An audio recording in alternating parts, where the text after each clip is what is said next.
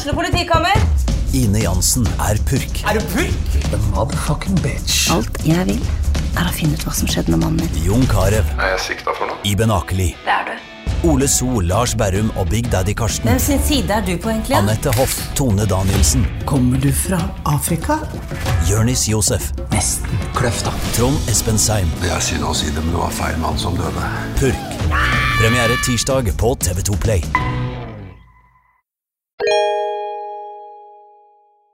Hei, takk for at du lytter til Søvnløs. Skulle du ønske at du kunne høre en ny episode av denne podkasten hver eneste uke?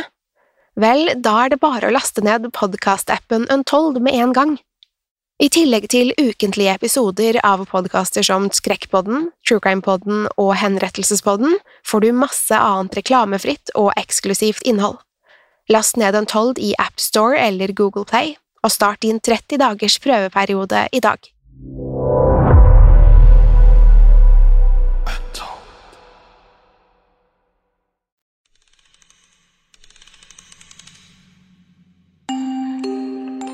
Om du har planer om å sove og drømme søtt i natt, er dette ikke podkasten for deg. Hvis du er lettskremt, lett påvirkelig eller har søvnproblemer, bør du styre unna akkurat denne.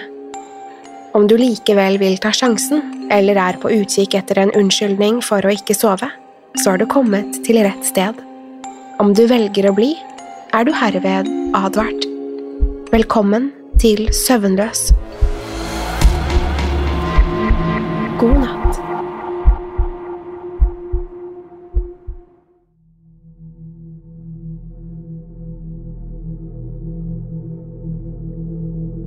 Om somrene da jeg vokste opp, pleide jeg å besøke en familiehytte sammen med vennene mine. Hytten lå nord for de store skogene i Gausdal, like ved en liten innsjø. Gjennom hele barndommen reiste vi en gjeng på fire gutter sammen med faren til en av kameratene mine som eide hytta. Innimellom hendte det også at de andre fedrene ble med. Det var alltid en fantastisk opplevelse. Vi badet, fisket og padlet kano på den lille innsjøen, eller utforsket de store skogene i området. Om kveldene samlet vi oss på den lille verandaen ved hytta hvor fedrene våre grillet dagens fangst mens vi ble oppspist av mygg. Så snart vi hadde begynt på videregående, følte vi oss voksne nok til å reise opp dit alene. Endelig skulle vi få oppleve total frihet og uavhengighet fra fedrene våre. Vi hadde snakket om det hele våren og gledet oss voldsomt til å reise mot slutten av juli. Siden ingen av oss var gamle nok til å kjøre bil, ble det bestemt at faren til kameraten min skulle kjøre oss opp. Han skulle være sammen med oss på hytta et par dager for å vise oss hvordan alt fungerte. Så skulle vi få være alene resten av uken. Jeg må bare nevne at hytta det er snakk om ligger veldig øde der nede ved vannet. Det finnes andre hytter i området, men det nærmeste er minst en halvtime unna til fots. For å komme til hytta er man først nødt til å kjøre langt inn i skogene, parkere på en liten grusplass, for å så gå de siste kilometerne.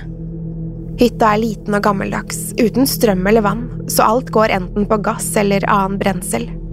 Jeg hadde alltid vært litt redd for å være der oppe om nettene.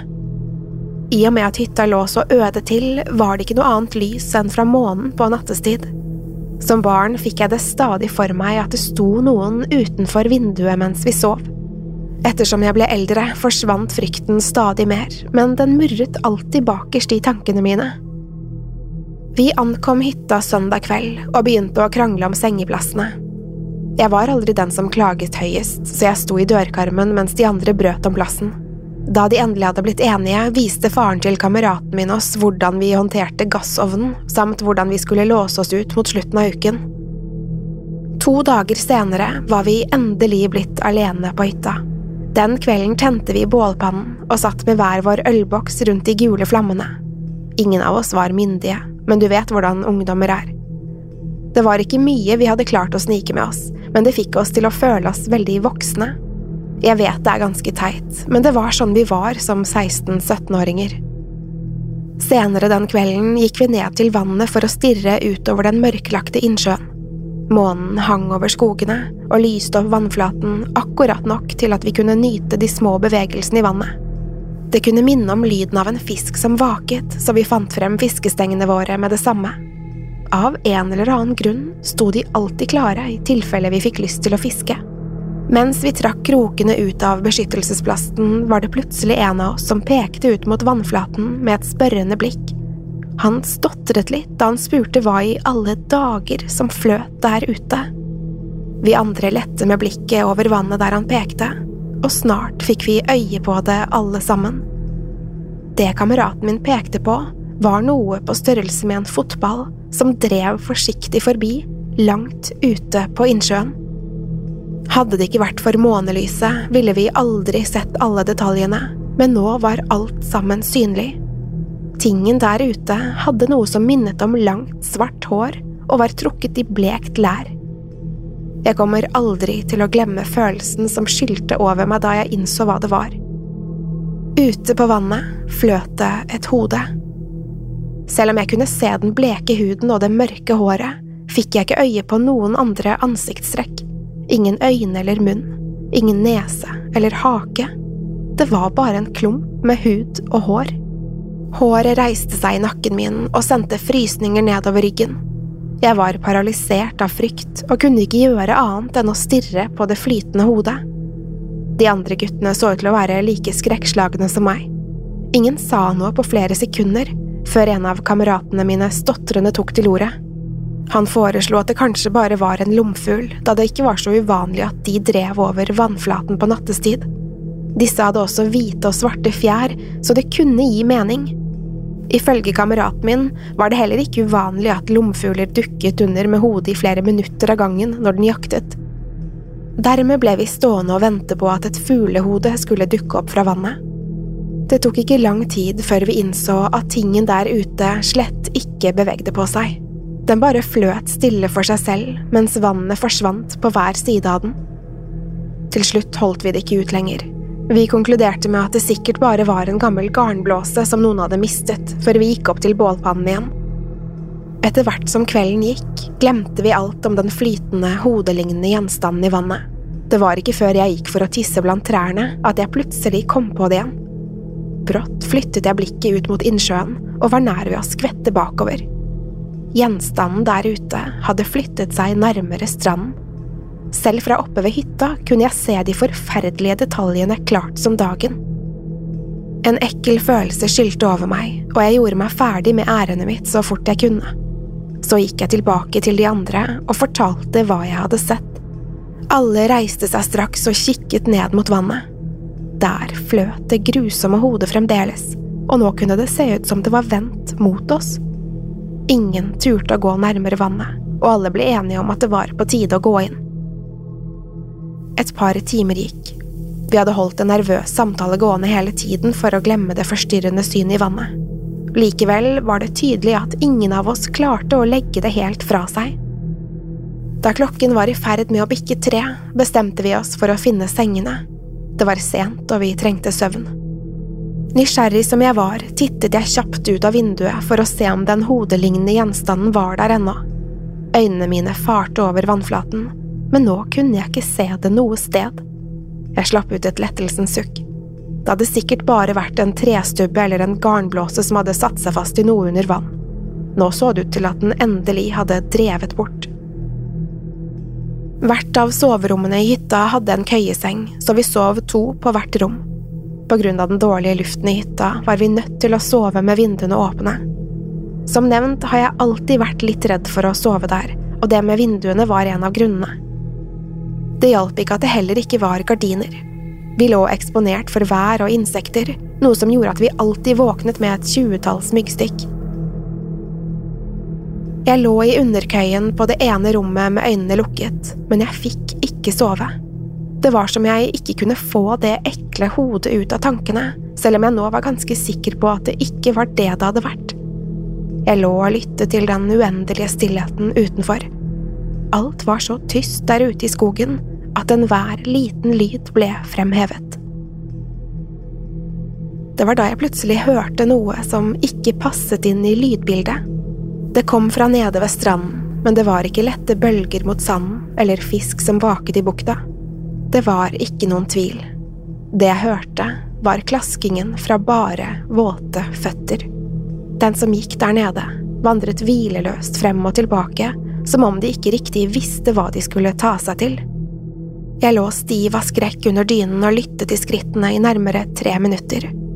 Hele tiden hadde jeg lyst til å vekke romkameraten min, men jeg turte ikke. Derfor knep jeg øynene igjen og lyttet til enhver endring i gangarten der ute. Det var da jeg hørte det som skremte meg mest. Plutselig kom det to tunge, våte klask som vitnet om at det der ute hadde tråkket opp på verandaen utenfor vinduet. Jeg lå i mørket og skalv ukontrollerbart i det som føltes som flere minutter. Plutselig satte skrittene opp farten, men de kom ikke noe nærmere. I stedet hørtes det ut som den der ute satte av sted bort fra hytten så fort de kunne. Først da jeg ikke kunne høre skrittene lenger, turte jeg å åpne øynene. Forsiktig reiste jeg meg fra sengen og ristet litt i kameraten min i overkøyen. Han snøfte til meg og var tydelig irritert over at jeg hadde vekket ham. Jeg hvisket og spurte om han også hadde hørt skrittene, men han bare gryntet igjen. Akkurat da kom en av de andre kameratene mine inn på rommet vårt. Den dag i dag kan jeg fremdeles huske ansiktsuttrykket hans. Jeg får fortsatt frysninger bare ved å tenke på det. Han var kritthvit i ansiktet, og øynene hans var videre enn jeg noen gang hadde sett før. Med lav, skjelvende stemme sa han at vi måtte dra. Det var noe forstyrrende ved hele uttrykket hans som gjorde meg nervøs. Da jeg spurte hvorfor vi måtte dra, svarte han ikke. Han bare snudde på hælen og spurtet inn i rommet sitt igjen. Vi kunne høre at han begynte å pakke sakene sine der inne, og den fjerde kameraten vår, som våknet fortumlet av bråket. Vi fortet oss inn til ham mens vi spurte hva som var galt. Kameraten vår pakket bagen sin i en fei og så ikke ut til å ville svare. Det var ikke før jeg ristet i ham at han endelig tok til orde. Det kameraten min fortalte da, er noe jeg aldri kommer til å glemme. Han sa han hadde ligget i sengen og snudd seg for å ligge på den andre siden. Akkurat da hadde han fått øye på noe utenfor vinduet. Noen eller noe hadde tittet inn fra hjørnet av vinduet, øverst til høyre. Så snart kameraten min fikk øye på skapningen, forsvant den ut av syne. Kameraten min sa at han kun hadde sett ett øye, spøkelsesaktig hvit hud og langt, vått, svart hår. Han fortsatte å mase på oss om å dra, men denne gangen nølte vi ikke. Det føltes som jeg var i ferd med å kaste opp. Mens vi pakket sakene våre, fortalte jeg om skrittene jeg hadde hørt utenfor, noe som fikk oss til å pakke enda fortere. Vi kom oss uskadd fra hytta og spurtet alt vi kunne til den lille grusplassen. Der ble vi stående hele natten mens vi ventet på at faren til kameraten min skulle komme tilbake. Vi hadde vekket ham og tryglet om at han skulle hente oss. Etter mye om og men gikk han med på å kjøre de fire timene det tok å komme til hytten. Ingen av oss ville tilbake dit, selv ikke for å vente innendørs. I stedet sto vi rygg til rygg og speidet ut i mørket, i hver vår retning, helt til vi så bilen komme mot oss. Ingenting annet skjedde den kvelden, eller noen kveld siden, så vidt jeg vet. Selv har jeg aldri turt å besøke hytta igjen, men to av kameratene mine har det. De har ikke sett eller hørt noe mer, og nå tror jeg ikke engang de tenker over det vi opplevde lenger. Jeg vet ikke hva som fulgte med på oss den natten, men jeg er ganske sikker på at skapningen og hodet i vannet hadde en sammenheng. Det er likevel én ting som plager meg mer enn noe annet, som fremdeles kan gi meg mareritt om natten, selv så mange år senere. Når jeg tenker tilbake på det kameraten min sa han så, er det én detalj som jeg ikke får til å stemme. Han påsto å ha sett skapningen i hjørnet av vinduet, øverst til høyre. Øverst. Det vil si at vesenet må ha stått på noe, vært over tre meter høyt, eller fløt i løse luften.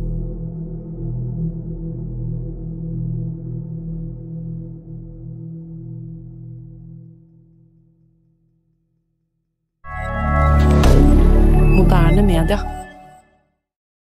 Har du et enkeltpersonforetak eller en liten bedrift? Da er du sikkert lei av å høre meg snakke om hvor enkelt det er med kvitteringer og bilag i fiken, så vi eh, gir oss her, vi.